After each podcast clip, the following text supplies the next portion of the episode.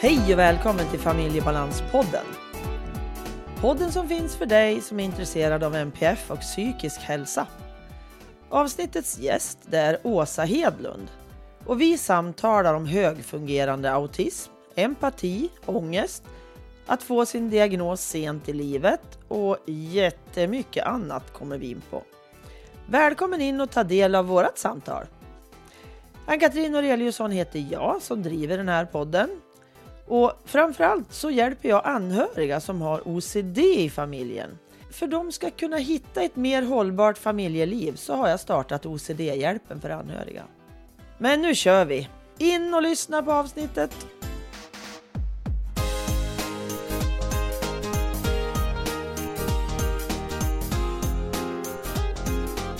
Hej Åsa och välkommen till Familjebalanspodden.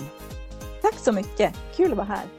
Och jättespännande ska det bli att få lyssna till ditt och mitt samtal säger jag då, för att det är så det ska vara. Vi ska ha ett samtal tillsammans.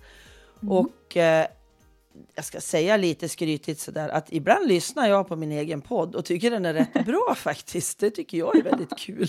När man driver podden och får tycka att ja, men det här var ju ett bra samtal. Och det är så vi ska ha det, du och jag också. Mm. Men vem är, vem är du? Berätta lite kort. Ja, men precis. Var ska man börja berätta någonstans då? Jag heter mm. Åsa. Eh, jag, jag, kommer från Kilafors i Hälsingland och det vet väl du vart det ligger? För du kommer ja, också från Hälsingland. Ja, precis. eh, så där är jag uppvuxen. Eh, men nu bor jag i Gävle, eller en mil söder om Gävle. Mm. Jag är 39 eh, år. Ehm, utbildad sjuksköterska, distriktssköterska i botten, men nu är jag doktorand inom vårdvetenskap. Intressant. Ja, jag forskar om återgång i arbete efter en långtidssjukskrivning för psykisk ohälsa hos Aha. kvinnor. Eh, mycket stressrelaterade besvär. Eh, Blev det ett där. nytt avsnitt till? Ja, men precis. För det här var ju eh, jättespännande. Ja, ja så har två barn. Mm.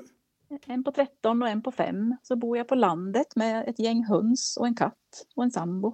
Okej. Okay. Mm. Ja. En liten bild av dig. Ja, men precis. Men i vårt samtal så ska det bli en lite mer fördjupad mm, vad ska jag säga då, känsla för dig.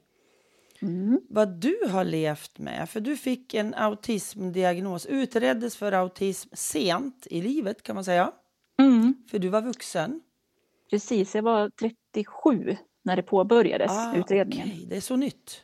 Det är så pass nytt, ja precis. Så att, eh, mm. Det är ganska så nytt för mig det här fortfarande ja. faktiskt. Vad var det som mm. gjorde att du ville utredas eller behövde utredas? Det som fick droppen att rinna över eller vad man ska säga som gjorde att jag tog tag i det. Det var faktiskt att jag blev doktorand. Mm. Eh, för då det ställde liksom nya sociala krav. Man blev som en del av en liten grupp som mm. skulle stötta varann och man skulle fira tillsammans om det var någonting. Okay. Eh, och det var mycket det här liksom större sociala krav, tyckte jag, än vad det hade varit tidigare. Mm. Och det här upplevde jag som jättejobbigt. Det blev liksom, jag har alltid tyckt att det var jobbigt mm. Eh, med det här sociala, men, men det var liksom extra påtagligt på något sätt. Mm. Eh, när jag blev doktorand. Och sen läste jag en bok av en slump av Lina Liman, tror han heter. Jag vet inte om du har talat om den. Jag tror den heter typ Konsten att fejka arabiska. Ja, ja, ja, ja, ja, det är den. Eh, hon beskriver hur det hur hennes resa till diagnos var och hur hennes liv har varit och sådär. Mm. Och då, då var det så här, men gud, det här är ju mitt liv. Kan, kan det vara så här att okay. ha autism? Och så började jag tänka efter och lägga ihop ett och ett, så där att jag haft liksom långvarig ångest sedan jag var barn. Eh, ingen, primärvården kan inte hjälpa mig, de bara kliar sig i huvudet. Liksom. Eh, och det här att, att jag alltid haft svårt för gruppaktiviteter och social interaktion.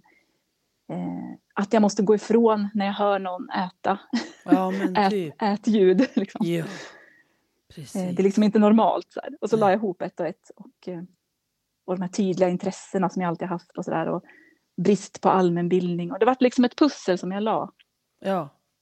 Och tänkte att men gud, det kanske är någonting bakom här som ingen ja. har upptäckt. Så att jag skrev faktiskt en egen remiss till psykiatrin. Mm. Fast alla sa att det är hopplöst, de tar inte emot sådana. Men jag gjorde det i alla fall. Ja. och, och de tog emot mig. Okej. Okay. Eh, Och det framkom ganska snabbt, det blev liksom första screeningen, första träffen, att det var ju mot autismhållet det lutade, mina Ja. besvär. Så då påbörjades en utredning och det var ju, det, det var ju liksom ingen tvekan faktiskt, Nej, vad det bodde, rörde sig om. bodde du i Gävle då? Alltså i Ja. Gävleområdet? Ja, det gjorde jag. Alltså Region Gävleborg. Mm. Heja dem, säger jag då. Eller hur? För ofta får ju vi väldigt dåligt dåliga, alltså det ser ut som att vi alltid har dåliga resultat i Region Gävleborg inom psykiatrin. Men det här gör ju mig jätteglad. Ja, alltså jag blev väldigt positivt överraskad, för jag har ju haft tidigare erfarenheter av psykiatrin i och med min ångest och då har Mm. det inte varit särskilt bra erfarenheter. Okej, skönt att få något positivt. Eh, Så att nu blev det positivt Ja. till slut. Men du sa att du hade haft ångest sedan du var barn. Hur har den sett ut? Eh, Ja, men precis. Ända sedan jag var lågstadieålder faktiskt. Ehm, Då började det med att, när jag var liten, jag hade väldigt tydligt specialintresse från, alltså så länge jag kan minnas, före jag började skolan. Och det var människokroppen, sjukdomar och liksom allt som hade med hälsa att göra. Eh, och så lärde jag mig läsa väldigt tidigt. Så att jag läste ju allt jag kom över om sjukdomar och människokroppen och så. Mm. Men jag kunde ju liksom inte värdera det här på något sätt. Så jag bara översköljdes ju av liksom Ja, sjukdomsinformation. precis, Eh, hemskheter. så jag, ja, precis. Så jag blev ju övertygad till slut om att jag kommer att, jag kommer att bli sjuk. Så Mm. jag kommer få allt det här. Mm. Så jag blev superhypokondrisk. Och eh, kunde inte gå till skolan till slut för jag trodde jag skulle dö hela tiden. Okej. Det var så det började då, Mm. när jag var liten. Ehm, Hur hjälpte Men du? Var det någon, någon som hjälpte dig med det här? Alltså att hantera det här? ja, till slut, när det hade gått för långt, så vet Ja. jag att, att eh, mamma bokade en tid hos en barnläkare som fick gå igenom mig från topp till tå Okej. och ta prover och allt möjligt så att jag Mm. skulle få, liksom, få svart på vitt att det inte var något fel på mig. Ehm, vilket jag fick. Mm. Och jag var lite skeptisk. Ja, jag Mm. hade läst att läkare kunde ha fel så jag var lite Okej. skeptisk ändå. Men, eh, men, det, men det hjälpte ändå. Det blev en vändning faktiskt. Ja. Och så fick jag komma till en barnpsykolog i samband med det här. Jag var ju tio år då. Mm. Och hon var bara så här, nej men det är inget fel på den här ungen. Så jag, jag fick komma ett par gånger och sen, sen var det klart. Okej. Ja, så var det med det. Ja. Eh, sen, det vart ju en vändning. Jag kunde ju liksom fortsätta mitt liv igen. Men sen kom ju det här och gick under tonåren. Mm. Ändå. Och det ändrade lite karaktär i och med att jag växte upp. Det blev lite mer social fobi och sådär. Eh, och det här hypokondriska hängde väl kvar en del också. Mm.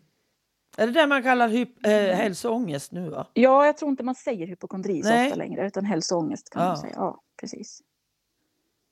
Eh, Okej. Sen i början av, eh, början av 20-årsåldern så utvecklade jag ett paniksyndrom istället. Mm. Som gjorde att jag blev typ eh, instängd i min lägenhet. Jag vågade inte gå ut Okej. i princip. Nej. Eh, Då är du 20? När Då du, är jag väl, ja, det här kommer väl successivt mellan 20 och 23 Ja. typ.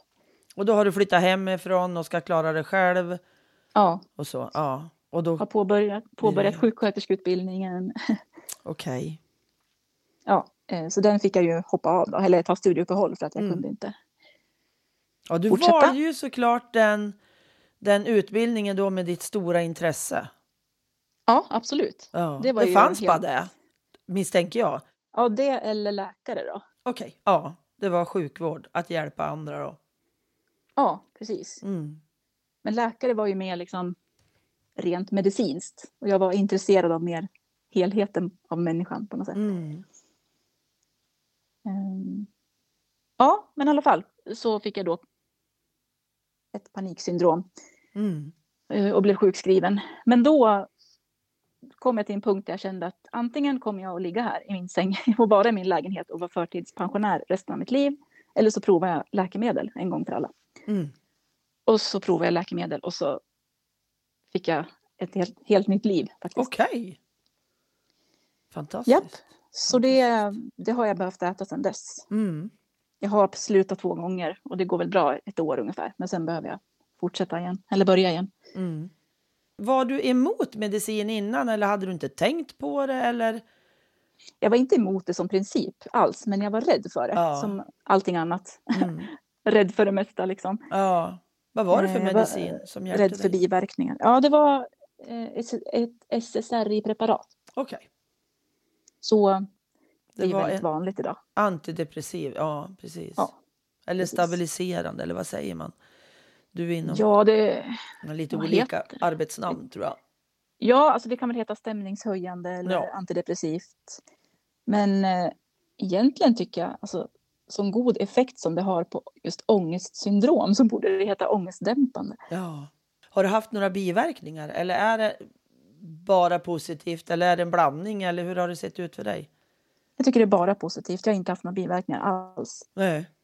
faktiskt. Och det är ångesten som har sjunkit av det liksom. Ja, det är det. Fantastiskt. Men blev du av med paniksyndromet då? Ja, det vart jag. Okej, du behövde liksom inte jobba dig ur dig själv och träna dig ut eller?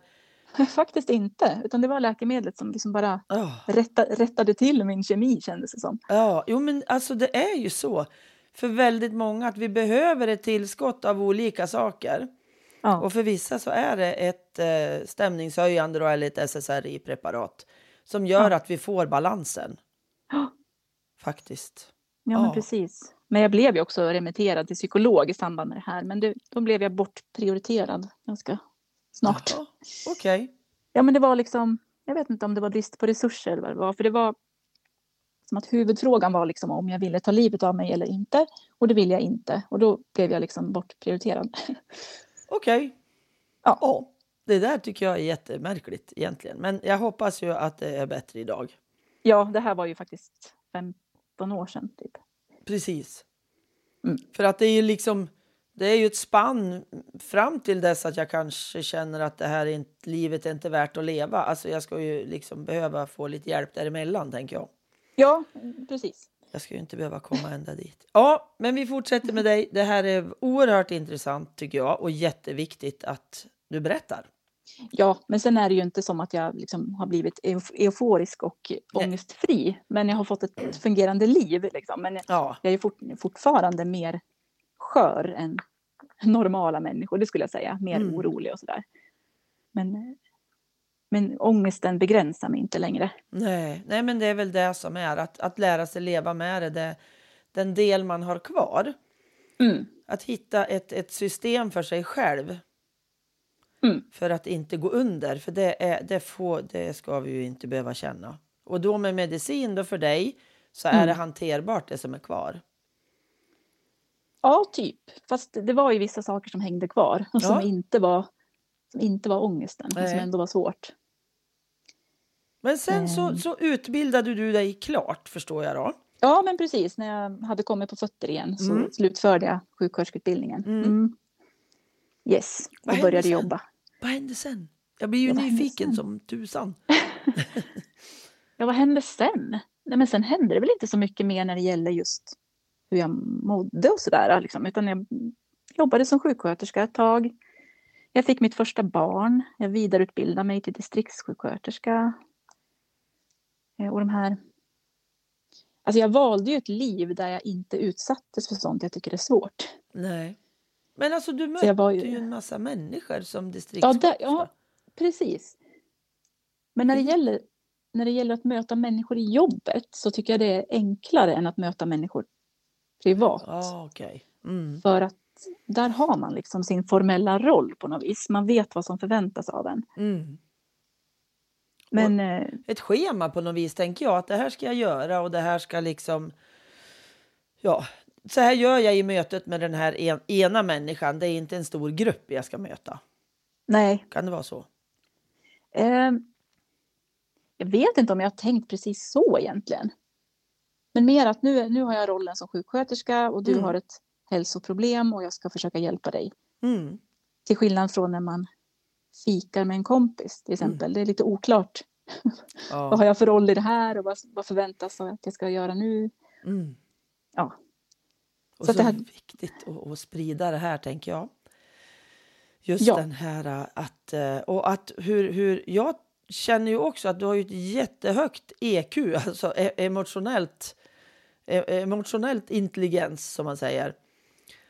Alltså där Eh. finns det ju, du har ju högt på både IQ och EQ. Ja, Jag har ju aldrig mätt mitt EQ så, men eh, jag känner ju att jag har mycket empati. Det var ju Ja. också därför jag, därför jag ville hjälpa människor. Jag tycker att jag kan, Ja, att jag kan se lidande, känna igen lidande och jag vill lindra ja. lidande. Och det blir så orättvist tycker jag att man ofta har ett likhetstecken med autism och jag har ingen empati, jag har ingen sympati. För jag ser så många som du som har ett jättehögt eh, emotionellt engagemang, empati och allt det här och vill hjälpa och så har man stämpeln på den här diagnosen att det är så. Och det är ju absolut inte sant tycker jag. Nej, och det är ju faktiskt så som du säger att det inte är riktigt sant. För man förstår ju att den här uppfattningen finns för att det finns ju massor av studier, i Mm. alla fall några studier, som visar på att personer med autism har lägre empati. Mm. Men det verkar som att det beror på att de här frågeformulären som man mäter empati med, Mm. de är liksom anpassade för neurotypiska Ja. människor. Så att, eh, för de frågar mycket om hur man beter sig, Mm. liksom att, ett empatiskt beteende, Mm. inte själva känslan empati. Nej.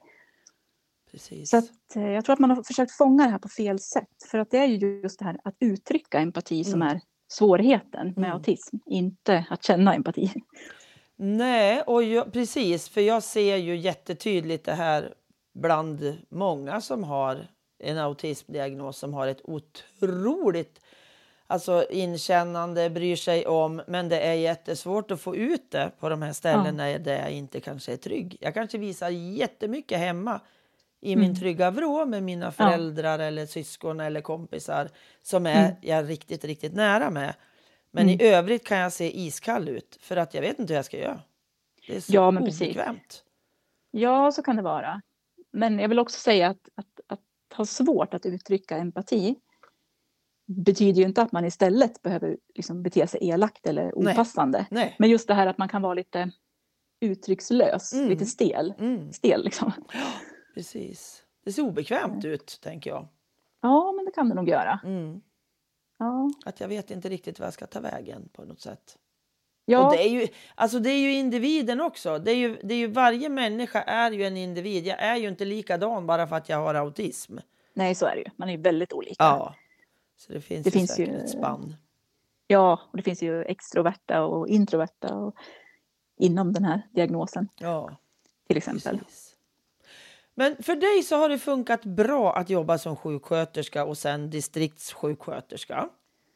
Det där är ju väldigt intressant, för det där är någonting som jag skulle vilja forska om sen, när jag är Mm. färdig forskare faktiskt. Hur det egentligen fungerar att jobba inom vården med Mm. autism. Mm. För det finns ingen forskning på det riktigt. Okej. Och jag tror, eller jag upplever, att jag hade vissa svårigheter som är relaterade till min autism Okej. faktiskt. Ehm, Har du något Men det är exempel? Ja, men till exempel så att det inte kommer naturligt för mig att se helheten. Mm. på något vis. Så att om någon berättar eh, tre saker för mig, Mm. tre svårigheter, Mm. Då kan jag se liksom att den där svårigheten var ju, ja men det var ju hemskt och, och det där var också hemskt och det där var också hemskt. Men sen att lägga ihop det till att Mm. förklara en situation eller jaha, men oj, då har den här personen varit med om de här tre sakerna, ja men då blir det en jättestor belastning ihop Ja. och då kanske det kan förklara det här och här eller liksom Mm. att jag tänker mycket i detaljer på något vis. Så att Ja. jag, det kom, jag kan tänka i helhet men det kommer inte lika automatiskt känner jag. Nej. Ehm, och det där är ju, varit ju speciellt påtagligt när man jobbar som distriktssköterska och i hemsjukvården där jag jobbade. Mm. För då ska man verkligen se hela personens livssituation och, och sådär. Mm. Ehm, och när man går hem till en person så kanske man inte bara ska ja, men ge det här läkemedlet och gå därifrån utan man ska faktiskt försöka fånga helheten lite. Mm. Så.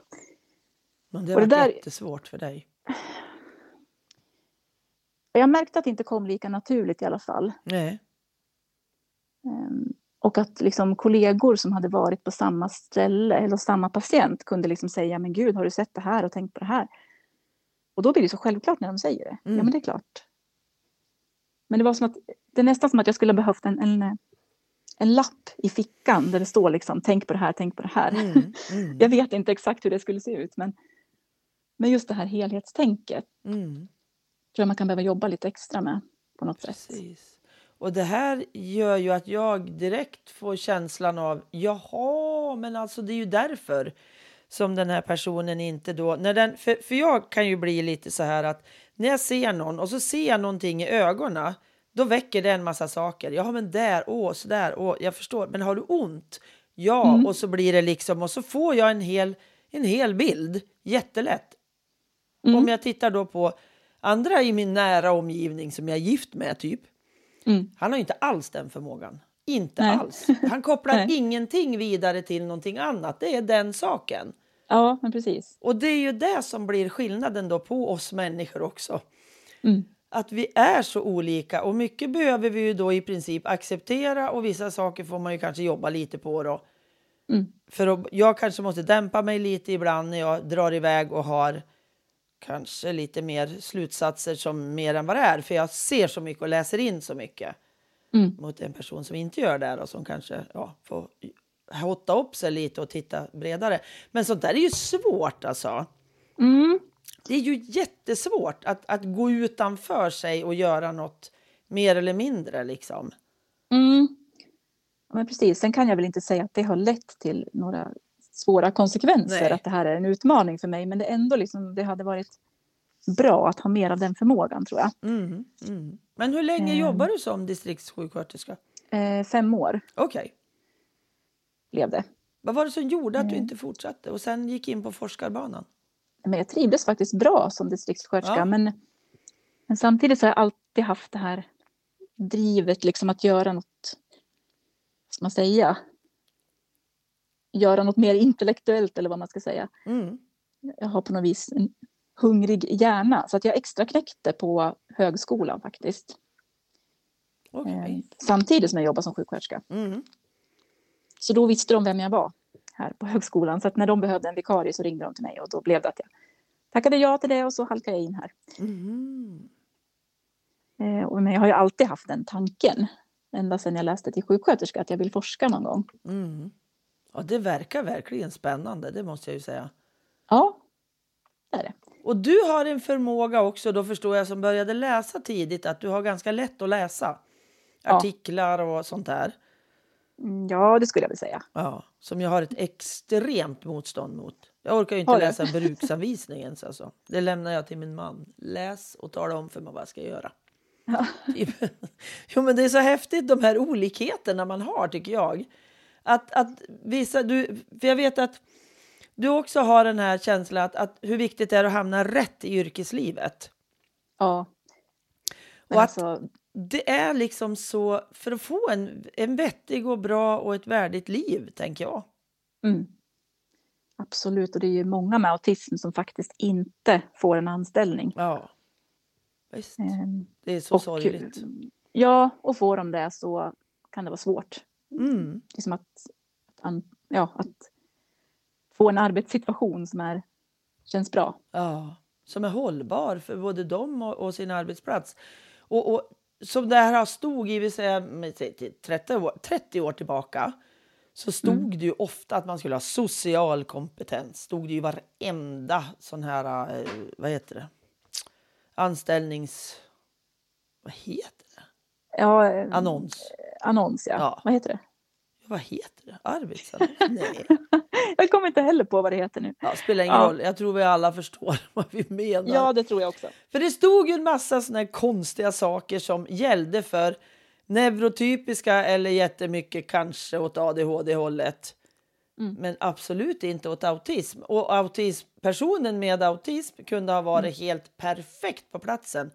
Mm. Bara den slapp allt fika och alla eh, afterworks och allt sånt där konstigt som man kanske tycker är vedervärdigt. Ja. Precis, men däremot så kan man ju ändå uppfattas som att man har en hög social kompetens för att man har ju lärt sig att Mm. maskera, man har lärt sig ungefär hur man borde bete sig och vad man borde säga ungefär. Mm, mm. Speciellt tjejer. Ja, precis. För man lär ju sig en roll som man ska passa in och det ska stämma. Men då blir det ju då det här som Man brukar säga idag att det blir en social baksmälla. Mm. Man är ju totalt slut efteråt. Ja, så är det ju. Och man gruvar sig i två veckor innan man ska Ja. göra något. Ja. Exakt. Så att eh, i och med att jag fick min diagnos så har jag liksom kunnat välja bort saker som bara slukar energi, sådana Mm. här sociala grejer. Med lite bättre samvete faktiskt. För nu känns det som att ja, men det, det var inte bara jag som var lat utan det är faktiskt Nej. svårt på riktigt. Ja.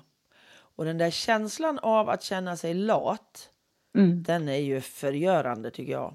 När det inte Mm. är det. Ja, precis. Och, och man får höra liksom att ja, men jag tycker också att det är jobbigt ibland men man får ju bjuda till lite grann. Eller, Ja. ja, men det handlar liksom inte om det. det. Folk förstår inte vad man betalar faktiskt. Nej, nej. Nej, det ser jag också på nära håll. Hur svårt det kan vara och vilken fullständig kalabalik och eh, ja, ångest och allt mellan himmel och jord för att göra saker som andra människor anser som att det är skitsaker. Det är så enkelt Ja. så det är inte klokt. Ja, men precis. Eller det släpper bara du kommer dit. Eller Ja. Känns bättre efteråt. Eller bara, nej, det gör inte det. Nej, och det värsta är att jag känner igen att jag tyvärr säger sådana saker ibland till min son. Ja, Ja, ja men alltså, ja. man, vi, alltså det är ju så. När man inte har känt känslan själv är det ju oerhört svårt att verkligen förstå hur Ja. vidrigt det kan kännas. ja. Och att Men vi det- måste ta det på allvar. Jag kan förstå att man inte förstår. Mm. Absolut. Mm. Men vill också liksom vara tydlig med att, eller påminna om att det faktiskt är så. Som Ja. du sa nu, att det kan vara faktiskt rent av eh, vidrigt. Liksom. Man, Ja. Jo, Alltså, ska ser, ser jag ju på min son hur fruktansvärt han lider. Mm. I, I vissa sammanhang när han ska ta sig, göra saker och så. Och han är fullständigt slut. Sen kan han sova i 15 timmar. Mm. Och det kan vara en sån liten sak så att andra tycker att men herrejösses människa, du får Mm. väl skärpa det. Men Ja. det, är ju, det går ju inte. Jag kan ju inte skärpa mig i såna sammanhang, för det är inte det det handlar om. Nej, det handlar liksom inte om det alls. Nej. Alltså det här är så viktigt så det är inte klokt. Ja, så att eh, just när det gäller arbetsplatser så tror jag att det är jätteviktigt, eller jag vet att det är jätteviktigt att det finns tolerans mot sådana här sociala olikheter eller att man inte ställer de här sociala kraven som Nej. inte är direkt knutna till arbetsuppgifter. Nej, precis. Så det tycker jag är, funkar bra på mitt jobb faktiskt. Det finns en tolerans mot sådana här olikheter och det är jätteviktigt. Mm. Har du varit öppen med din diagnos? Eh, ja, det har jag. Det är inte så att jag har ställt mig upp på ett möte och sagt hej, jag har autism. Men eh, eh, ja, jag är öppen på sociala medier och eh, berättar när tillfälle finns. Och så där. Mm. När det passar? Ja, för det känns som att när man är äldre så här, närmare 40, jag var ju 38 när jag fick min diagnos, så har jag Mm. liksom redan, redan format mig i en identitet och Mm. andra har format sig en bild av Mm. mig. Jag tror inte att jag blir någon annan i andras ögon bara för det här. Nej. Kände du någon gång då när, när det stod liksom klart att jo men det är autism du har? Mm. Kände du då någon gång att det fanns en, en, ett drag av skam som gick igenom dig? Eller liksom, åh gud, hur ska jag kunna berätta det här då? Jag har ju levt så här länge med det här och ingen jag fattar kanske runt omkring. Nej, faktiskt inte. Vad skönt. Ja. Ja. Eh, jag tyckte det var mer, nej, jag tyckte det var mer skamfyllt innan. Att liksom inte klara av vissa grejer och inte kunna förklara varför. Mm, mm, Det var värre. mm. Jag vet inte om det är just för att man är lite äldre, att man kan ta sånt här lite. Mm. Att man inte skäms lika mycket för att man, man har redan bevisat att man klarar vissa saker och att man är en, en omtyckt person ändå. Liksom. Mm, mm. Att jag är ju den jag är. Ja, fast det jag kunde skämmas för när jag tänker efter faktiskt. Mm. För det, det jag kunde få lite pikar om det var liksom, ja men alla ska ha en diagnos nu för tiden. Ja, Och ja. var, var det så viktigt det där? Och liksom, och, ja, jaha, är du, är du nöjd nu då när du har fått en stämpel ungefär? Mm. Ja, men lite det där att de inte tog det på allvar. Nej. Att det kändes som att jag var någon slags diagnosjägare, eller vad man ska säga. Ja.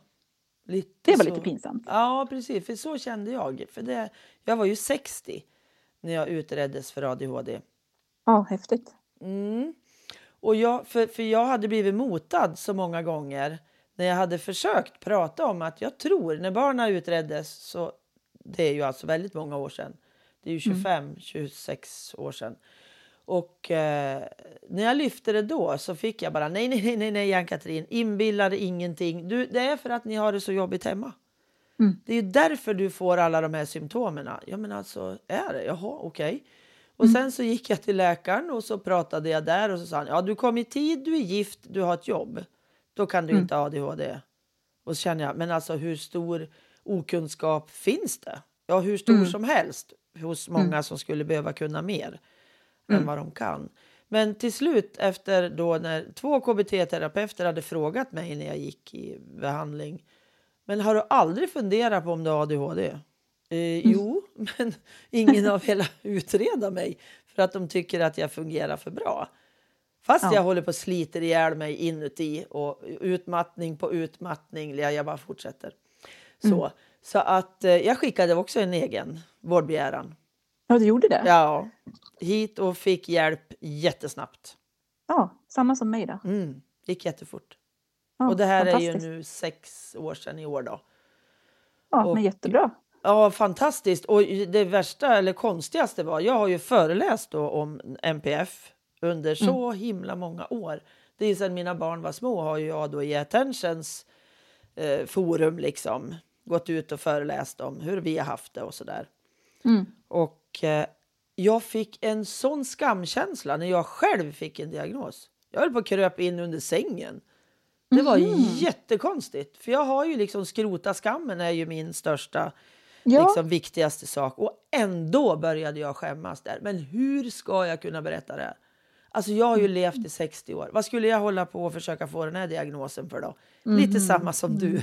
ja, Alltså, ja, precis. var det nödvändigt? Du har ju levt i 60 år. Då kanske du klarar de andra. Och... Men Ja, det men var exakt. jätteskönt till slut när jag liksom kunde landa i det. Men det tog några veckor innan jag hade liksom landat. Ja. Och eh, så jag känner igen just den där. För jag trodde verkligen inte att jag skulle känna skam.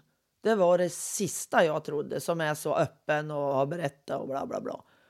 Vad intressant. Åh, det var jättekonstigt. jättekonstigt. Men samtidigt så vet jag min... För jag berättade det för läkaren som, som, eh, hade, ja, som lämnade beskedet då, eller gav mig eh, diagnossvar eller utredningssvaret och sådär. Och hon sa det, det här är ju alldeles perfekt, sa hon. Du som föreläser om det här och själv känner skam, det är väl alldeles perfekt, sa hon. Ja, precis. Ja, just ja. Det kanske var bra. Så, så att, ja, det vart bra. Och Ja, jag kan men- inte äta medicin. Det funkar inte för mig. Jag är för torr i, i min mun och ögon och allt.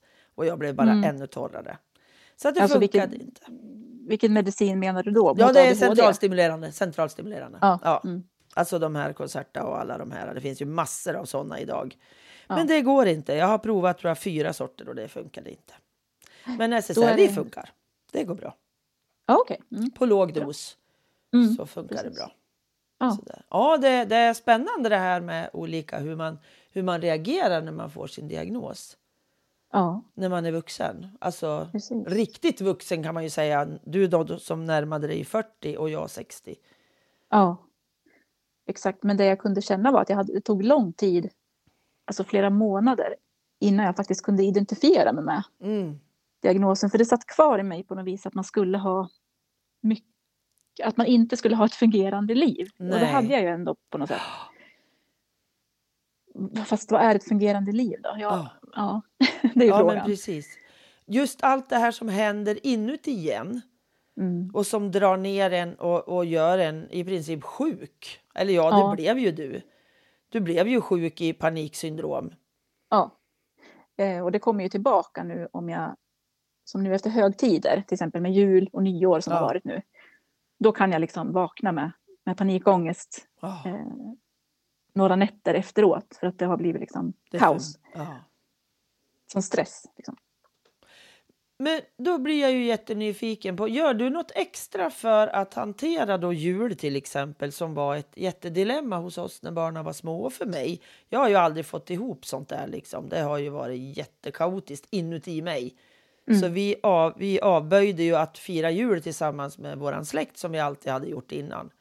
Mm. Men när barnen kom och vi såg att de gick i bitar av den här jul hela julapparaten så stängde ju vi. Vi sa ju det, vi kan inte fira jul med några andra än bara vi fyra i familjen. Det passar bäst mm för mhm. oss.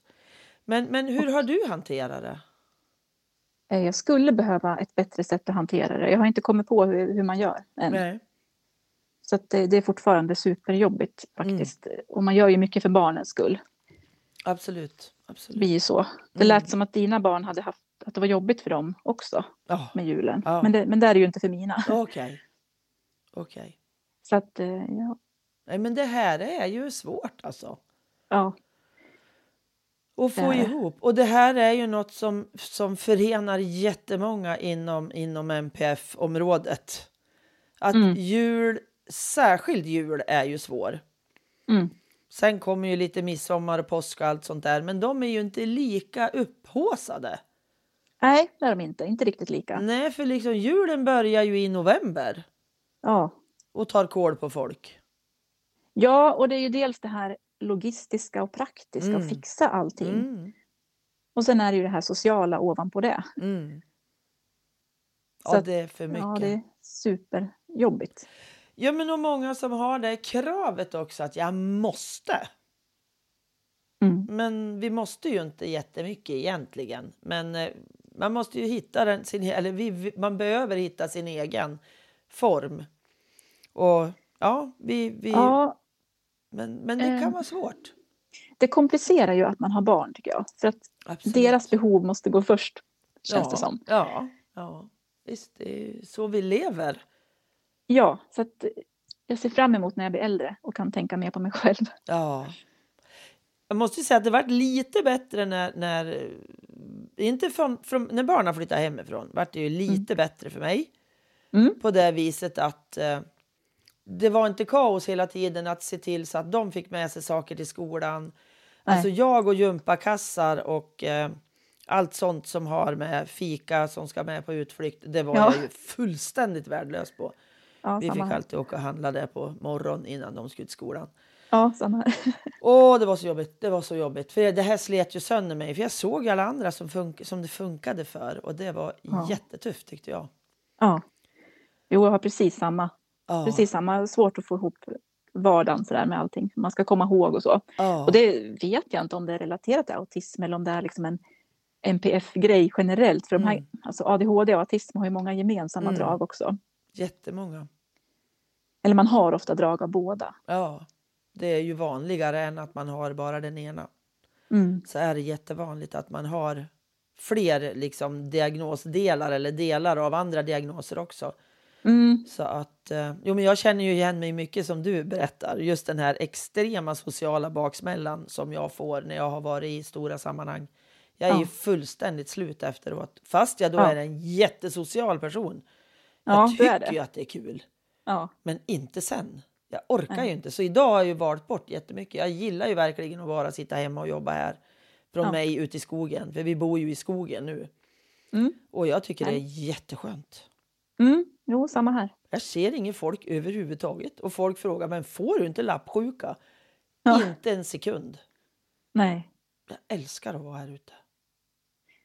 Ja, men jag förstår ni, vad du menar. Bor ni där det är mycket folk och rörelse och sådär? Nej, vi bor ju också i skogen. Ja. Eh, vi ser inte ens närmsta granne. Nej. Det är så skönt faktiskt. när man faktiskt får skapa den tillvaron för sig. Men egentligen tycker jag inte att det är så jobbigt det här att se folk och ha folk omkring mig. Utan Nej. det menar jag ska, när jag ska interagera med dem. Okej. Okay.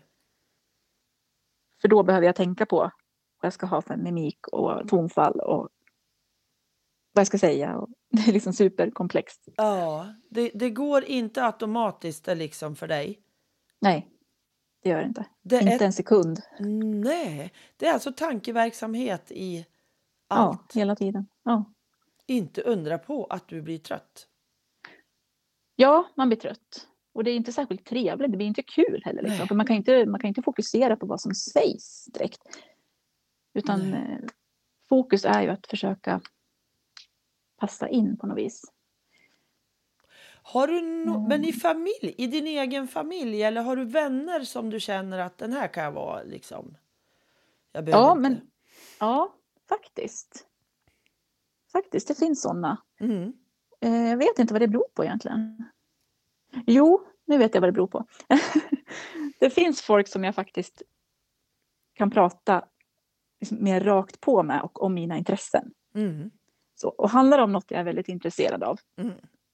då kan det här släppa lite grann. Och om den andra personen också är intresserad av det. Mm. Så att i arbetssammanhang så är det lättare med det här än, än bara en middag med andra människor. Till exempel. Mm. Eh, och sen andra personer med autism tycker jag också att det går lättare med. Som begriper, ja, som har förståelsen liksom. ja, och där liksom det känns som att de inte tycker att det är konstigt att man inte beter sig som andra, liksom, att man Nej. inte har den förväntade mimiken eller att man inte Precis. kommer ihåg och fråga hur helgen har varit. Eller, för det gör inte de heller. Nej. Jag upplevs ju, där har jag nog faktiskt något litet, litet drag, om det nu kan ses så med, av autism. Jag har ju jättesvårt att inleda till exempel ett mejl med jag hoppas allt är bra med dig och bla bla bla. bla. bla." Jag Ja. skriver ju alltid frågan direkt. Och Ja. min kära make då som inte alls är så empatisk som jag tycker jag då. Ja. Alltså han är ju mycket mer sådär välformulerad och hur man ska göra. Men jag tycker att det är så jävla ointressant. För Ja. Ja, men är det bra med dig? Ja, men alltså vilken fråga. Mm. Jag är ju... Jag, va? Jag kan inte ens svara på det. Måste jag svara skulle det ta två sidor och svara Ja. på hur det är just nu. Alltså jag har jättesvårt för sådana saker. Jag, blir, jag upplevs säkert väldigt rakt på sak. Men jag Ja. tycker att det är enklare. ja, det tycker jag också. Jag har svårt för det här runt, runt. Så jag känner igen mig i det där väldigt mycket. Och det är Eh, så där- skönt tycker jag när jag äntligen kom till att jag behöver inte ställa alla de där frågorna. Mm. Och just när man möter någon på affären. Är det bra bara?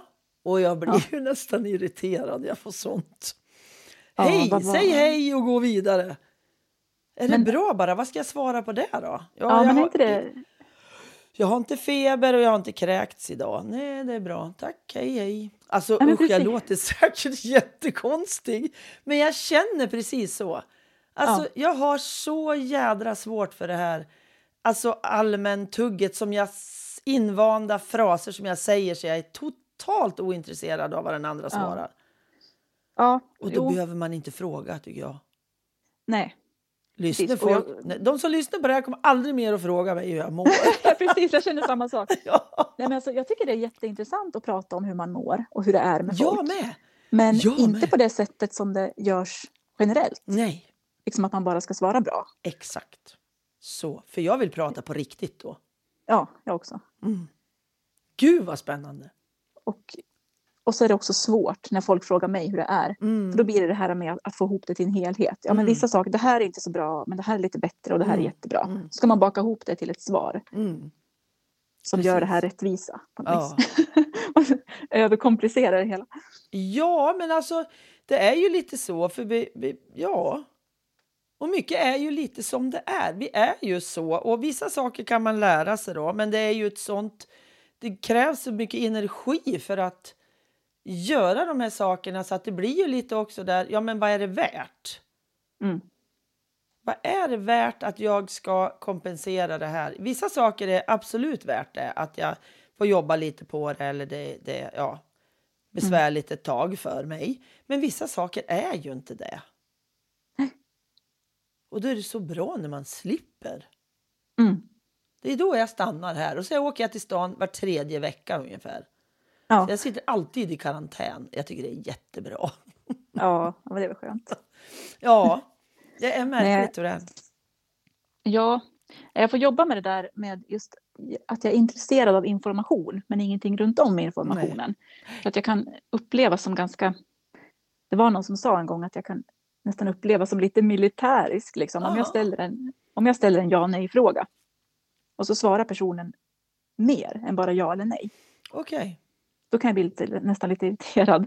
Mm. så ja, men jag frågar efter ja, nej, jag frågar inte efter något annat. Och så ibland kan de svara ganska komplicerat så att jag själv måste tolka om det till ett ja eller nej. Mm. Och jag tror att det där liksom är, det tas mycket energi av Mm. mig. Mm.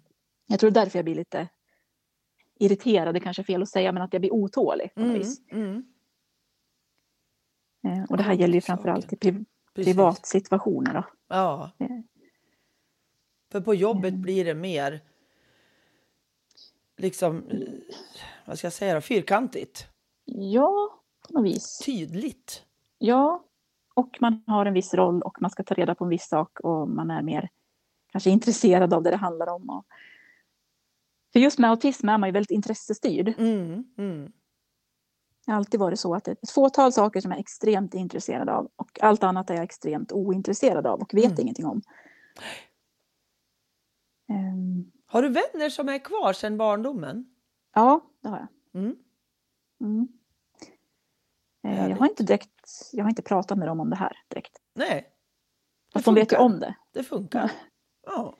Ja, fast vänner för mig är ju sådana som man vet att de finns där och man behöver dem. Men Ja. det är inte som att jag, jag vill inte umgås regelbundet direkt.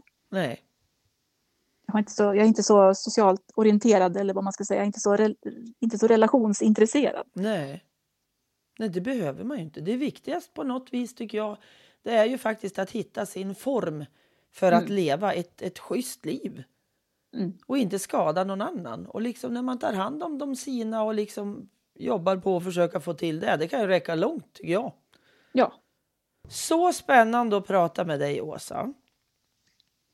ja, det finns mycket att säga.